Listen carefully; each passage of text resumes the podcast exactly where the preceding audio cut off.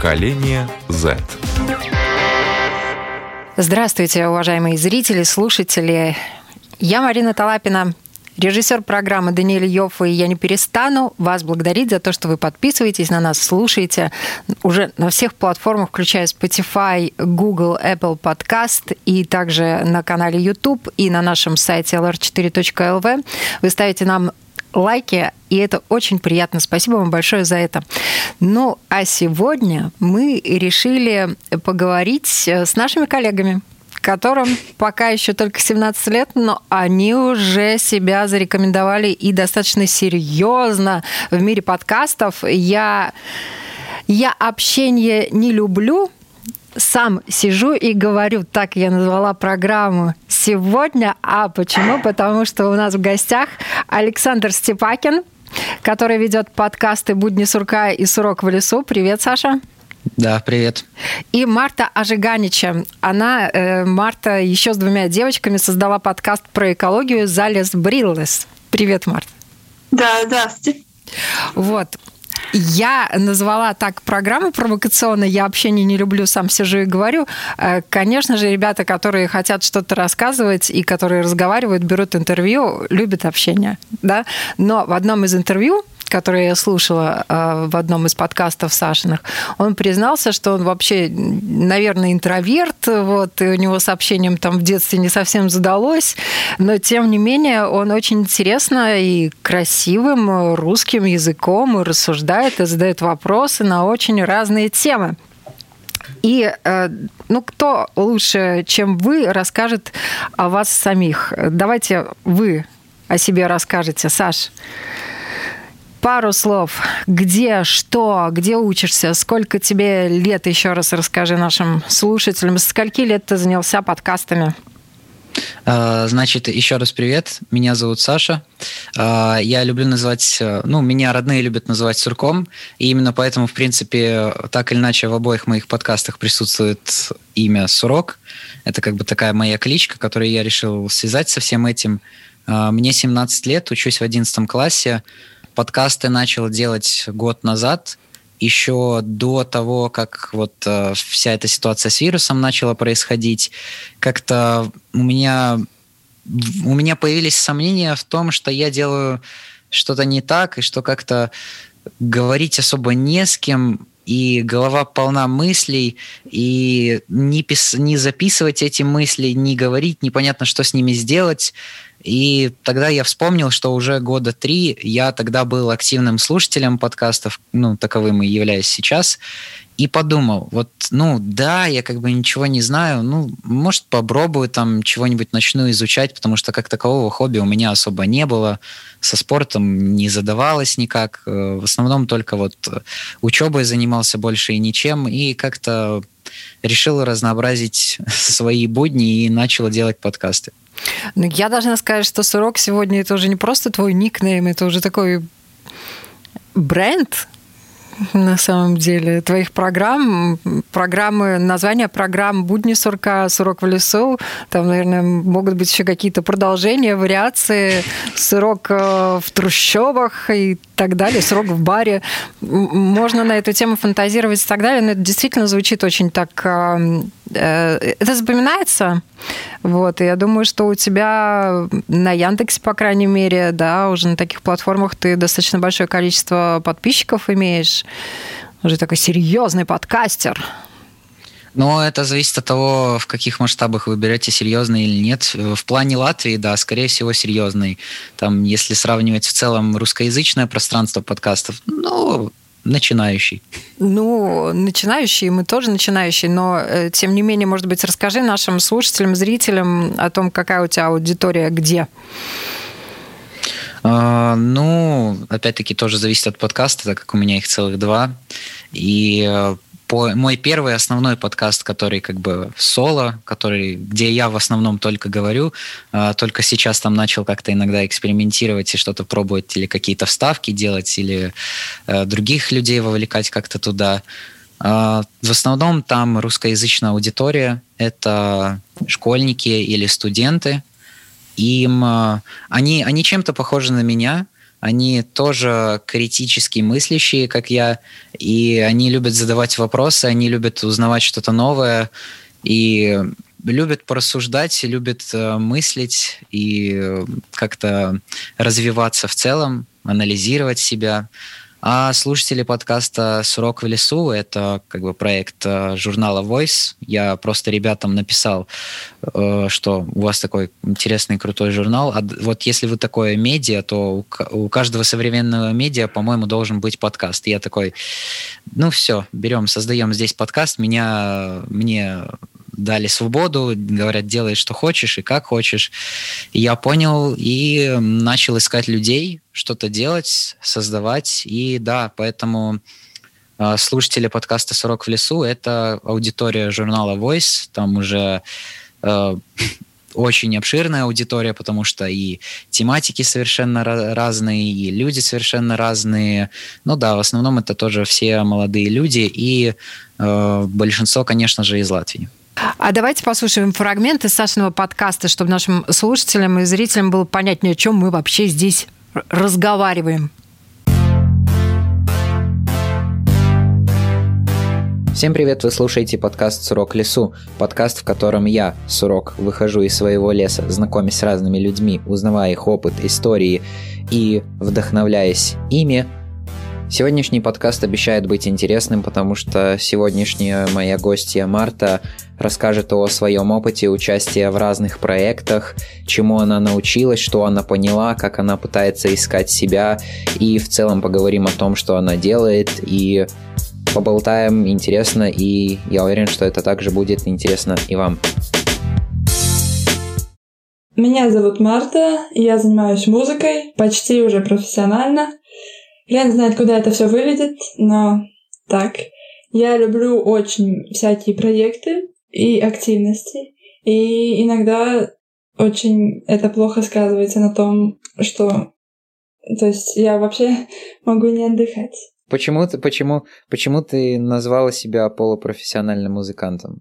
Ну, потому что я вроде получаю профессиональное образование, но еще не, до, не закончила его и не знаю, буду ли я дальше. То есть я бы хотела дальше идти по музыке, но я не знаю, пойду ли Подожди, я. Подожди, ты, ты учишься в каком-то техникуме или ну, на какой-то более специальность, что-то такое? Как виду школа. Ну а почему ты говоришь, что это как у тебя как будет... А, ну так это как колледж, тогда тебе за окончание дают что-то там условно? Да, это у меня будет профессия. Поколение Z. Марта, давай пару слов. Ты начинающий подкастер, да? Да, У пока да. еще только два выпуска, но тема очень интересная. Подкаст про экологию. Э, Залес Брилос. Я для наших слушателей э, за рубежом, за пределами Латвии переведу. Это зеленые очки в переводе, да? Да, именно так. Рассказывай ну, значит, историю, да. Um, в начале этого учебного года я попала в такой проект Future Heroes, и это то есть такой как инкубатор для молодых людей, которым дают всякие знания и менторов. И тогда наша цель создать какие-то э, проекты, которые помогают в любых э, сферах людям.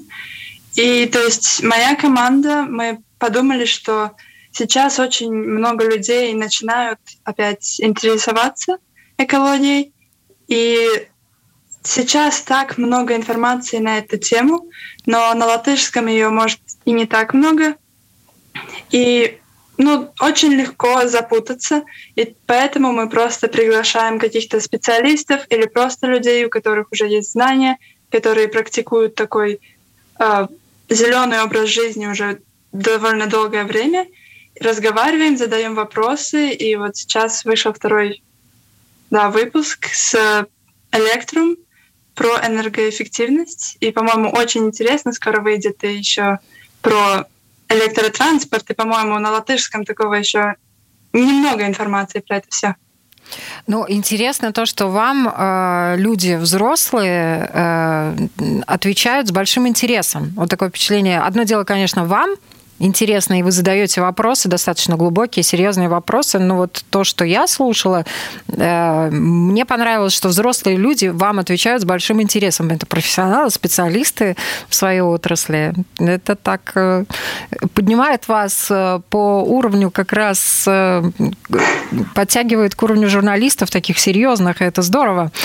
И э, мне хочется также спросить э, такой вопрос наверное, наш, может быть, он не очень интересен будет широкому зрителю, но, Саш, вот у тебя очень э, хороший звук.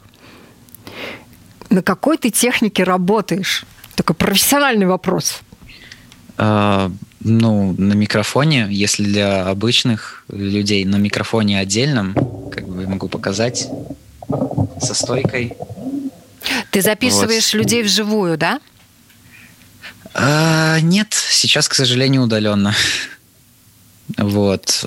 Ну, вы хотите узнать как-то конкретную модель или что? Нет, ну просто вот ты пишешь на микрофоны, да, и а люди удаленно, вот когда, вот мне как раз интересно, э, я думаю, что юным подкастерам, которые нас, может быть, слушают, тоже интересно узнать, вот э, какие технические приспособления нужны для того, чтобы вообще записать подкаст? Эм, есть уже изъезженная фраза на этот счет у русскоязычных подкастеров. Все, что тебе нужно для начала подкаста, это iPhone и носок. Все. Э, то есть, почему iPhone? iPhone у него говорят, что лучше всего захватывает звук, и мы это с разными гостями проявляли, и это, скорее всего, так. Но да, есть такая программа на телефон, называется Dolby On, и ты, когда ее устанавливаешь, она половину, так сказать, монтажа делает за тебя, она немножко подтягивает звук, немножко убирает шумы, и поэтому фактически можно с любого телефона записывать. А носок нужен в качестве как поп-фильтра, чтобы там эти разные э, и ненужные Глушить. звуки убирались, глушились, да. Вот, Марта, интересно тоже, вы когда столкнулись с тем, что вы хотите делать, на чем вы будете это делать? Кто вам помогал, как вы выбирали? Ну, пока, пока мы записываем очень сложно, и потом это все складывается. Мы записываем каждый, каждый из нас, и плюс наш гость на телефон вот на эту программу On. Спасибо Саше, что он когда-то мне это подсказал. И потом я все складываю, пытаюсь по аудиодорожке из зума все наложить, так, чтобы все хорошо слышно. Um, но так, по-моему, и на телефон нормально получается, но мы э, хотим, чтобы, может быть, нам кто-то помог, и, может быть, в будущем у нас появятся микрофоны. Профессиональная студия. Ну, если не студия, то хотя бы микрофоны. Ну почему? Я знаю, что в Латгалии проходил сейчас вот недавно у нас ребята тоже были э, такой интересный проект, и ребята выиграли грант радиостанцию для своей школы. И я думаю, что радиооборудование там можно записывать и делать очень хорошего качества и подкасты, и, и самим интересно будет и монтировать тоже. Хорошо. Да, да, мои знакомые из моей школы. Выиграли. У них теперь тоже есть типа подкаст с одним эпизодом уже. Ну, вообще эта тема такая очень популярная среди молодежи, да? Не всем, конечно. Потому что это довольно легко. Ну, то есть тебе просто нужен голос, и тебе надо его записать. И это очень легко, свои мысли тогда. Не надо ничего печатать, и пока печатаешь, уже половину забыл. Или не надо какие-то супер дорогие камеры. Просто аудио. Ну да, и монтаж. Время выделить ну, на да. то, чтобы это выложить э, потом в эфир и, и так далее, на платформы. Хорошо, темы и герои. Саш, у тебя уже очень большой опыт. Э, сколько у тебя уже подкастов вышло? Значит, если посчитать э, будни сурка, это будет почти что 40. Уже там считаю, что 40 будет скоро. И 40 в лесу, ну, грубо говоря, 60. Ну, в этом году сотню сделаешь точно. Конечно. Как э, часто, с какой периодичностью они выходят? А, срок в лесу выходит э, раз в две недели. Это такой оптимальный темп, при котором я успеваю работать и что-то делать, и вроде как и отдыхать. А будни сурка с недавних пор я начал вести опять раз в неделю, потому что я понял, что я не могу одну неделю молчать. Мне надо что-то говорить, что-то куда-то выкладывать, какие-то свои мысли из головы освобождать и лучше как-то все это понимать. А давайте теперь узнаем, что думают Сашины родители про его подкасты. Когда год назад мой сын начал этим заниматься, первое, что меня, конечно же, очень удивило, что ты начал этим заниматься. Но в то же время и порадовало, потому что ты стал более общительным, более коммуникабельным, эм, начал хорошо владеть, даже не знаю, как это сказать. Навыками речи. Навыками речи всем. Но мне очень интересно слушать твои подкасты, потому что даже вот в силу своего возраста я много чего узнаю из мира техники, новых технологий. А, узнаю много новых молодых ребят, талантливых, способных. И это очень удивляет, тем более в наше время, что такие люди есть. Благодаря этим подкастам можно о них многое узнать.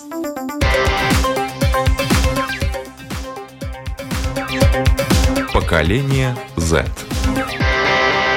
Э, интересно то, что вообще эм, для этого сегодня, ну, не все, да, вот так вот готовы в течение получаса, часа взять э, э, телефон и наговорить кучу своих мыслей. Ты к этому готовишься? Ты пишешь себе тексты или это исключительно твои рассуждения?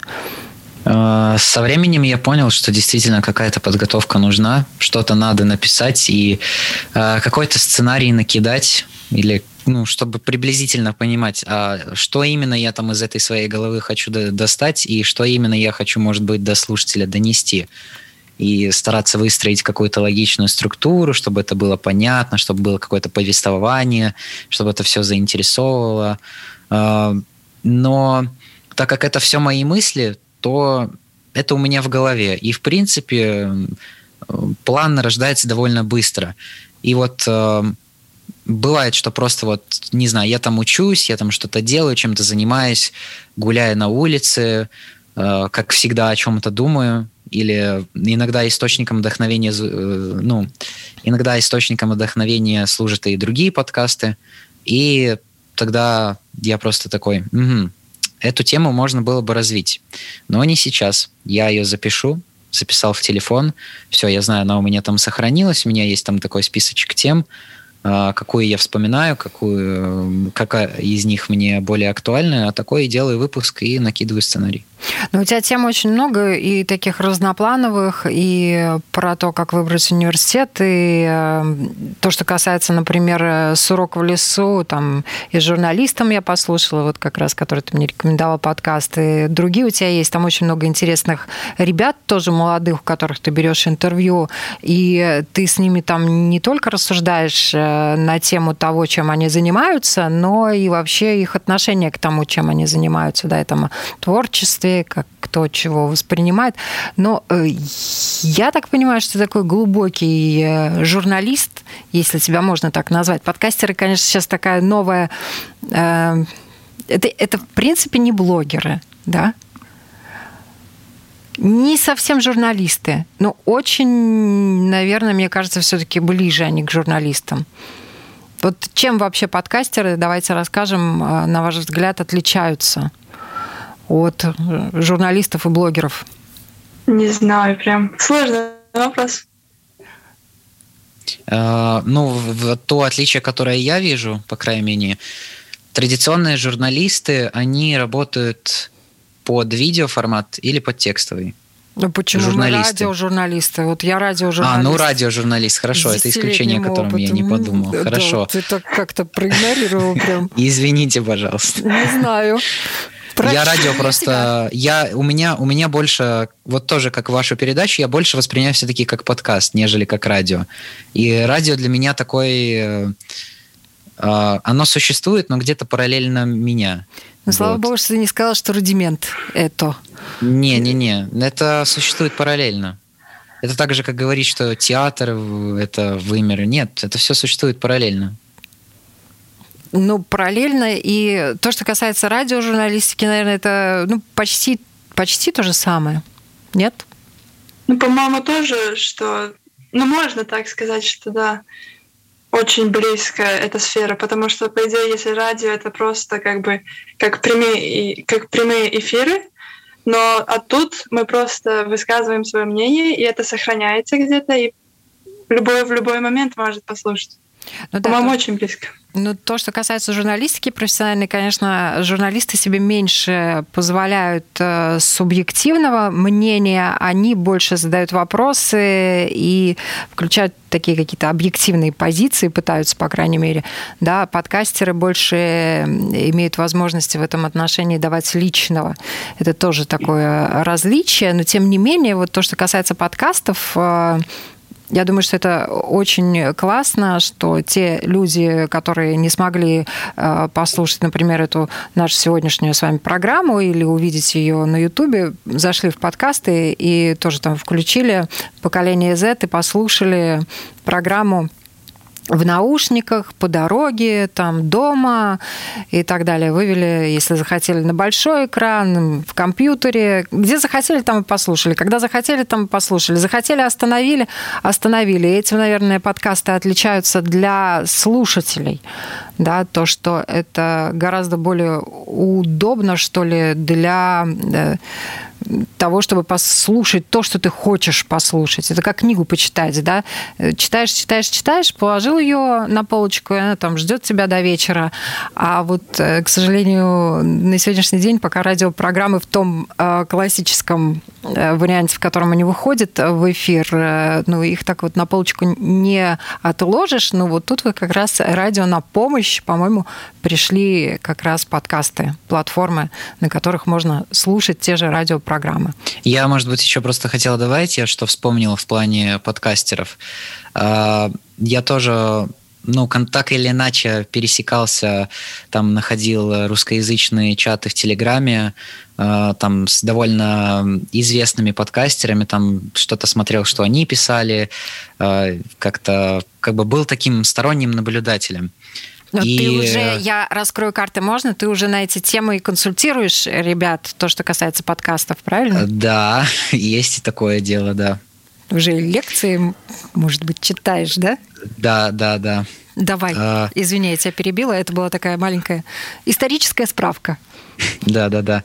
А, и эти люди, ну, именно в таком более, может быть, профессиональном кругу, и частично я с ними согласен, а, подкастер — это скорее человек, который на начальной фазе делает подкаст, и он и сценарист, и режиссер, и звукорежиссер, и монтажер, и ведущий, и все в одном амплуа. И это все подкастер. И когда уже у тебя уходит, эм, когда у тебя над подкастом работает там какая-то целая команда, то у тебя уже все эти люди по отдельности – и нельзя конкретного из них назвать подкастером. А, поэтому подкастер, скорее всего, это такой человек, который а, на начальной стадии или он просто выбрал, что он а, занимается несколькими вещами одновременно. А вот мне интересно, что скажет Марта, потому что она с тремя своими подружками делает подкаст. Кто что делает в вашей команде? Ну, мы все вместе ищем людей, ищем компании, которые готовы к сотрудничеству. А вот те другие две девочки, они отвечают за дизайн и за а, то, чтобы у нас все было хорошо в медиа. То есть вся реклама, все инстаграмы, фейсбуки на них. А я отвечаю больше вот за техническую часть. Я договариваюсь, чтобы люди, которые к нам приходят в гости, как они будут записывать звук и как они потом мне эти все файлы э, присылают, и потом все это монтирую, выкладываю. Ну, то есть, да. Вот это очень важная тема. Продвижение подкастов. Как как вы завоевывали аудиторию? Ну, у Марты еще все в процессе. Тут, наверное, интересно очень э, мнение Саши и опыт Саши. Э, мне, мне кажется, что я тоже как бы в процессе, и продвижение это такое тоже это что-то какая-то отдельная вселенная, и по-нормальному это, этому, ну, этой вещью должен заниматься отдельный человек. Потому что пока ты там ищешь какие-то платформы, пока ты ищешь эти способы, пока ты оформляешь тексты, пока у тебя есть это все представление, ну, да, как э, лично у меня, это мой подкаст, и, ну, мои подкасты, будем так говорить, мои какие-то идеи, поэтому э, сложно сказать, что, ну, там, другому, вот, напиши э, мою идею и продай ее, грубо говоря. Э, это скорее у меня надо спрашивать, как это продать и что я под этим подразумеваю. А, конечно же, для начала, как мне кажется, чтобы как-то продвигаться и набирать какую-то аудиторию, у человека, который изначально создает подкаст, у него должно быть понятие вообще, а, что это такое, кто это будет слушать и возможно, какую проблему это может решить для человека. То есть, э, почему он должен слушать именно твой подкаст, а не чей-то другой. И ты должен постараться человеку объяснить коротко, а, в чем заключается главная суть твоего подкаста. Там вот эти так называемые 10 э, слов. То, что ты описываешь свой подкаст в 10 словах. И это помогает тебе самому понимать и придерживаться конкретного курса. И позволяет тебе понимать, кто тебя будет слушать, и таким образом у тебя есть это понятие, и ты уже там думаешь, ага, если это там какие-то подростковые мысли, то да, это скорее там всего будут слушать именно ученики, может быть, еще студенты такие там найдутся. Если это там какой-нибудь, не знаю, подкаст про моду, то, соответственно, и людей в этой сфере надо искать, кто этим интересуется, или кто учится на таких людей. Вот. Этих путей есть много разных, и да. Мне хочется очень узнать, вот когда ты запускал свой первый подкаст, самый первый выпуск, как это было? Чего ты ждал от него? Заглядывал ли ты в статистику, сколько прослушиваний уже было?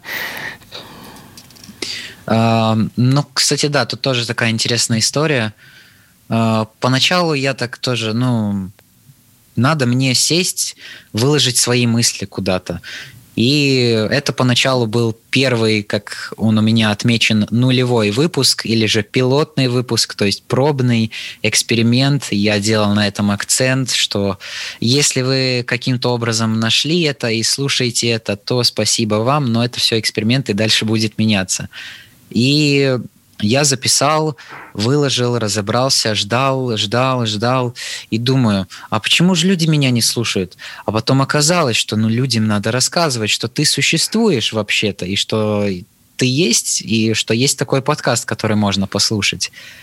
И, наверное, там спустя неделю э, я я написал одной девушке, которая ведет довольно известную в своем кругу email рассылку э, новостей разных вообще со всего мира. Я просто решил ей поделиться с тем, что я создал подкаст, что я там подросток, мне 16 лет, я из Латвии. Э, вот такую классную штуку делаю. И в следующем выпуске своей email рассылки она упомянула меня в конце. Э, и оставила все ссылки. То есть считай, что я случайно занялся продвижением и этого не осознавал. И таковым образом я получил свою первую аудиторию. Таким же образом через подкаст я познакомился с одной девочкой из России, с которой мы до сих пор общаемся по переписке. Вот, как-то так. Закрутилось, закрутилось, закрутилось, но в итоге вот сколько тебя сейчас э, людей уже слушает? А, ну, тоже зависит от выпуска. Бывает и так, что там тысяча будет слушать, бывает и так, что там будет, наверное, сто.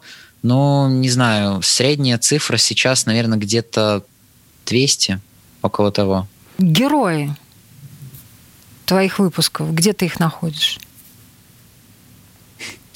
А, герои подкаста «Сурок в лесу» а, это так как у меня концепция именно первого сезона, который идет именно сейчас, это то, что я как бы начинаю все это делать, и я начинаю делать это под крылом Voice и Young Folks в том числе, и поэтому я как раз-таки просто иногда там на разных мероприятиях именно в Young Folks пересекаюсь с кем-то, как-то мы с кем-то там знакомимся, разговариваем, и говорю, ты пойдешь ко мне в подкаст, все, никуда ты от меня не денешься, а, давай договариваться, обсудим что да как, и приблизительно так это пока что сейчас происходит. Ну, удаленно это да, там уже есть какие-то связи, уже есть какое-то понятие, там, кто был уже, кого, кто не был, кого можно было бы позвать.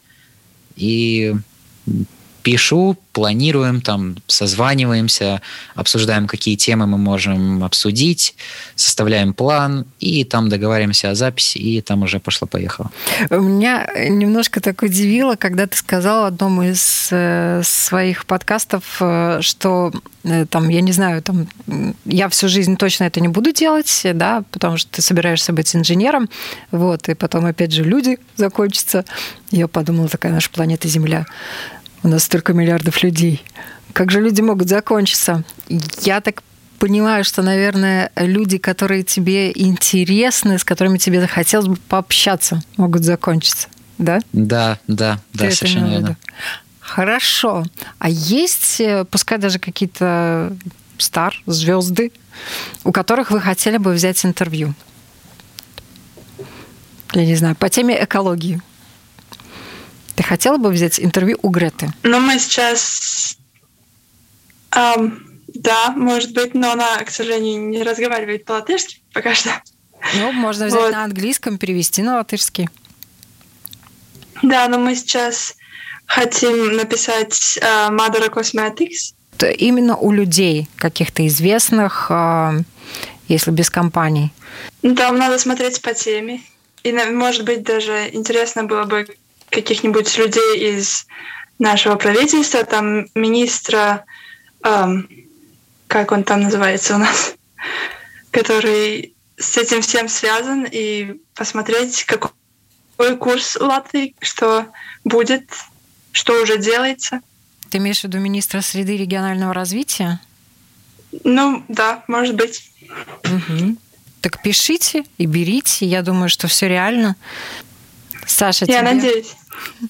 А тебе у кого бы хотелось взять интервью? Э, во-первых, тоже я немножко поясню, что я стараюсь делать так, чтобы это не было стандартным интервью. Я стараюсь подкаст превращать больше как в такую беседу. Именно поэтому я как-то предварительно с человеком знакомлюсь, я его как-то так или иначе уже что-то знаю о нем, мы как-то, может быть, с ним пересекались. И... Представим, что у тебя есть возможность познакомиться с этим человеком, пересечься, пообщаться. Нет у меня никакого желания, если честно, потому что уже со всеми, с кем можно было, со всеми уже поговорили и много чего задали им в этом плане. И что-то, ну, сложно придумать уже что-то новое. я как-то за этим особо и не гонюсь, чтобы там ко мне какие-то звезды приходили. Я понимаю, что от этого будет больше аудитории, но я хочу больше это себе в удовольствие делать. И пока что я не считаю, что это не, не необходимо. Главное, чтобы интересная беседа была. Для этого люди и слушают. Ну, безусловно. Хорошо. А, помимо всего прочего, вы занимаетесь чем-то еще, правильно? Подкасты — это не вся ваша жизнь. Вот, я знаю, что Саша Young Folks э, также э, ведет и участвует в литературном кружке, да? Расскажите. А, ну, чем занимаюсь я в свободное время от подкастов? Я люблю писать тексты, те же статьи для Voice. А, в целом писать тексты. Я решил, попробовал, поэкспериментировал. И раньше у меня формат подкаста был таковой, что в одном выпуске я там сразу несколько тем запихивал. Я понял, что это как-то не очень интересно людям. И решил все эти отдельные темы выделить в телеграм-канал и туда писать какие-то свои мысли, что происходит. Э, просто чтобы чем-то делиться, потому что не могу я, когда у меня столько всего в голове находится. Люблю кататься на велосипеде очень сильно. Вот сейчас как раз сезон начинается, самое то. Бегать тоже люблю. Так спортом заниматься, какими-то тренировками. Ну, в той или иной степени люблю учиться в целом, даже в школе пока что. Марта, у тебя, помимо подкастов? Я люблю участвовать в разных проектах, там Erasmus и вот как Future Heroes, которые просто новые возможности, новые люди, новые знакомства. Я учусь на третьем курсе в музыкальной школе. Играю на виолончели. Ну и, конечно же, в простой школе я тоже учусь в одиннадцатом классе. Um, люблю читать. И Иногда заниматься спортом тоже, но не так много, как да я не Саша. особо много занимаюсь, ну да ладно. Я, когда готовилась к программе, я для себя поняла, что, конечно, мы люди разных поколений, но вот нынешнее поколение, оно очень хорошо подготовлено в плане общения и продвижения, ну, именно такое, такого продвижения, которое в удовольствие себя в соцсетях. Вы умеете писать, снимать. И сейчас уже, я так понимаю, что все больше и больше э, ребят э, учатся наговаривать и тексты, и свои мысли, оформлять их в аудио э, файлы, да, чего, может быть, раньше не было. Вот на сегодняшний день какими навыками такого рода, вот как именно видео, аудио, визуальные какие-то там фотогра фотографии и там, я не знаю, селфи, не селфи. Вот чем сегодня современный молодой человек должен владеть обязательно? Для того, чтобы себя представлять, позиционировать там.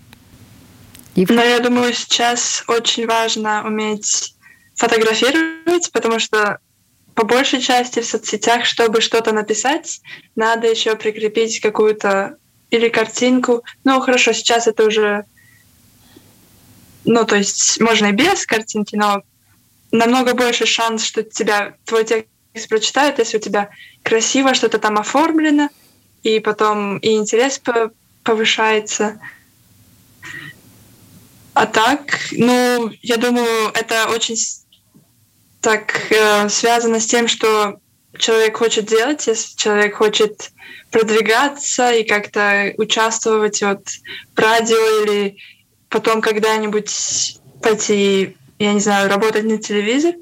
Но на телевидении, то, конечно, это будет уже аудио, учиться хотя бы просто склеивать эм, и улучшать звук. Ну или... вот, э, Марта, а... я как раз спрашивала, исходя из того, что э, вот э, ну, далеко не все люди, которые умеют фотографировать, писать, записывать, там, снимать и так далее, сегодня они в большинстве своем не работают на телевидении, да, но тем не менее сейчас все ведут аудио, видео, блоги, прямые эфиры в Инстаграме, там, на Ютубе, в Фейсбуке, там, сейчас в Клабхаусе тоже там просто э, море людей, экспертов, которые разговаривают э, свои точки зрения, и там попадаешь на людей, которые там как называют их диванные критики, которые рассуждают об этом, не имея базы и образования соответствующего и опыта. А есть люди, реально классные эксперты, которые, по-моему, имеют право и должны об этом говорить. И здорово, что они всем этим делятся на сегодняшний день еще и не получая там каких-то денег. Там, конечно, есть социальные сети, где это все монетизировано, и ты можешь зарабатывать, да, но вот я так понимаю, что у молодежи эти все навыки достаточно на хорошем уровне развиты, несмотря на то, что там никто за это не платит еще. Да? А вы хотели бы вот продаваться? Может быть, вы уже продаетесь? Вас уже э, покупают, вам уже платят за это деньги? Звучит очень как-то такой не в очень хорошей коннотации, как будто ну, извините, особенно да. это изъезженная фраза «Ай, ты продался, продал свое мнение». Почему? Тебя купили, тебе платят за то, чтобы ты э, говорил, э, там, я не знаю, на тех платформах вот почаще, побольше, потому что тебя слушают, потому что у тебя там много слушателей, и ты приводишь аудиторию. И там, конечно, на твои подкасты, может быть, можно ставить рекламу, но это другой вопрос. Но вот люди хотят тебя слушать и как бы подписываются под тем, что да, ты имеешь право на популярность, и ты имеешь право на то, чтобы твой труд был оплачиваем. Это же труд, это же время. Но сейчас часто очень так, что, что если тебе заплатили за рекламу, ты уже не можешь что-то плохое сказать. Ну, то есть, и потом, ну, да, так получается, что очень часто люди, если видят рекламу, и они не доверяют этому продукту, то вот эта фраза «а, продался», просто тебе нужны деньги, тебе уже плевать Не, на ну, то, ребят, что э, ты говоришь правда, деле, неправда. То, то, что касается на Ютубе, на тебя ставят рекламу, ты даже толком и не знаешь, какую рекламу на тебя поставят. э, Просто у тебя огромное количество слушателей там, и так далее. Я не знаю, вряд ли там... Ну, есть, конечно, варианты рекламы, когда ты выбираешь себе рекламодателя, да, и там непосредственно в своем видео или аудиоролике что-то говоришь, это понятно, да, но очень много рекламы сейчас в социальных сетях э, там вылезает, и ты вообще абсолютно не знаешь, откуда она вылезает. Тебе просто там отчисляют э, какие-то деньги за то, что тебя слушает э, большая аудитория людей. Все. Ты набрал свою аудиторию, ты имеешь право получать деньги. Ну, так, по крайней мере, на Ютубе. Так, на Ютубе. По-моему, на Spotify или еще на других платформах так пока не работает. Ну, вы хотели бы, чтобы так работало? Ну, то есть, может быть, конечно, это было бы, ну, то есть, полегче находить, э, улучшать звук, улучшать э, качество. А, Я слышал недавно, как раз-таки несколько недель назад проходила эта конференция у Spotify, где они очень много внимания уделили подкастам и как раз-таки их монетизации, поэтому а, то, что они там озвучили, они сказали, что в будущем будет такой рекламный кабинет, и что он будет работать не только в Америке, потому что в Америке этот рынок наиболее развит, и там огромные деньги в нем крутятся, и они там, наверное, как это сказать, э, на 8 лет впереди нас в этом плане. И, но скоро и у нас что-то подобное появится, и тогда ты уже сам сможешь выбирать, там, какую рекламу тебе вставлять, а какую нет, и как-то всем этим заниматься. Те случаи пока что, что я знаю, там действительно это какая-то индивидуальная согласованность, что вот мы такие-то, такие-то, там, расскажите о нас в подкасте, и там, если люди сходятся, схожие тематики, аудитория, и никто не будет против, то это возможно. В этом плане, мне кажется, что подкасты отличаются тем, что можно разную рекламу подавать. То есть это может быть именно какое-то сообщение от спонсора. Это может быть какой-то отдельный модуль, где выбирают именно представителя компании и с ним как-то беседуют.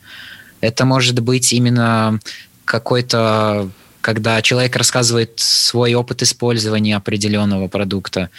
Ну, все это, конечно, не знаю, как это там в глубине работает, но это так, то, что в целом разные есть возможности. Ну, вы хотели бы получать за свою работу деньги? Марта уже сказала, что да, было бы здорово. Саш, а ты? Ты делаешь Конечно. в удовольствие, понятно, но тебе же интересно э, вот, э, ну, наращивать аудиторию, привлекать ее и так далее. Конечно же, да, потому что я даже вот сейчас в последнее время начал понимать, что сколько же я времени на это трачу, и непонятно, куда это уходит. Да, есть какая-то обратная связь, есть какие-то люди, с которыми мы так иначе на, начали общаться и познакомились вообще. И хочется это все получать, но вот вопрос, как бы вот так это сделать, чтобы и как бы найти этих правильных рекламодателей, и как бы развить эту аудиторию так, как бы ее подготовить к рекламе, так сказать. Ну да, тут есть еще о чем говорить, и, наверное, имеет смысл и пообщаться с экспертами, послушать экспертов и лекции, которые ты, кстати, сам читаешь. А то, что касается подкастов, для кого ты читаешь эти лекции о подкастах? Ну, мы как раз-таки все это делаем вместе, ну, в рамках э, организации Young Folks. Э, там уже не я привлекаю людей, которым могут быть интересны лекции, э, они больше этим занимаются. Ну, там, там, кстати, разные есть люди, и в том числе и такие, там, которым где-то около 30-35, хотя я-то думал, что я так на молодежь буду больше вещать, и удивляюсь, что даже таким более взрослым людям это интересно, и порой сам удивляюсь, что да, что-то я очень много знаю. Ну, на самом деле, я бы тоже с удовольствием послушала твою лекцию, так что если будешь читать лекции в следующий раз, пожалуйста, меня приглашай. Обязательно. Спасибо большое вам за этот день. Я напоминаю, сегодня у нас э, в гостях Александр Степакин, который ведет подкасты «Будни сурка» и «Сурок в лесу», и также Марта Ажиганича. Она еще с двумя своими э, девочками создала подкаст про экологию «Залез Брилес». Успехов вам, ребята! Приглашайте на свои лекции, я с удовольствием послушаю, а может быть, поделюсь опытом. Всем хорошего дня!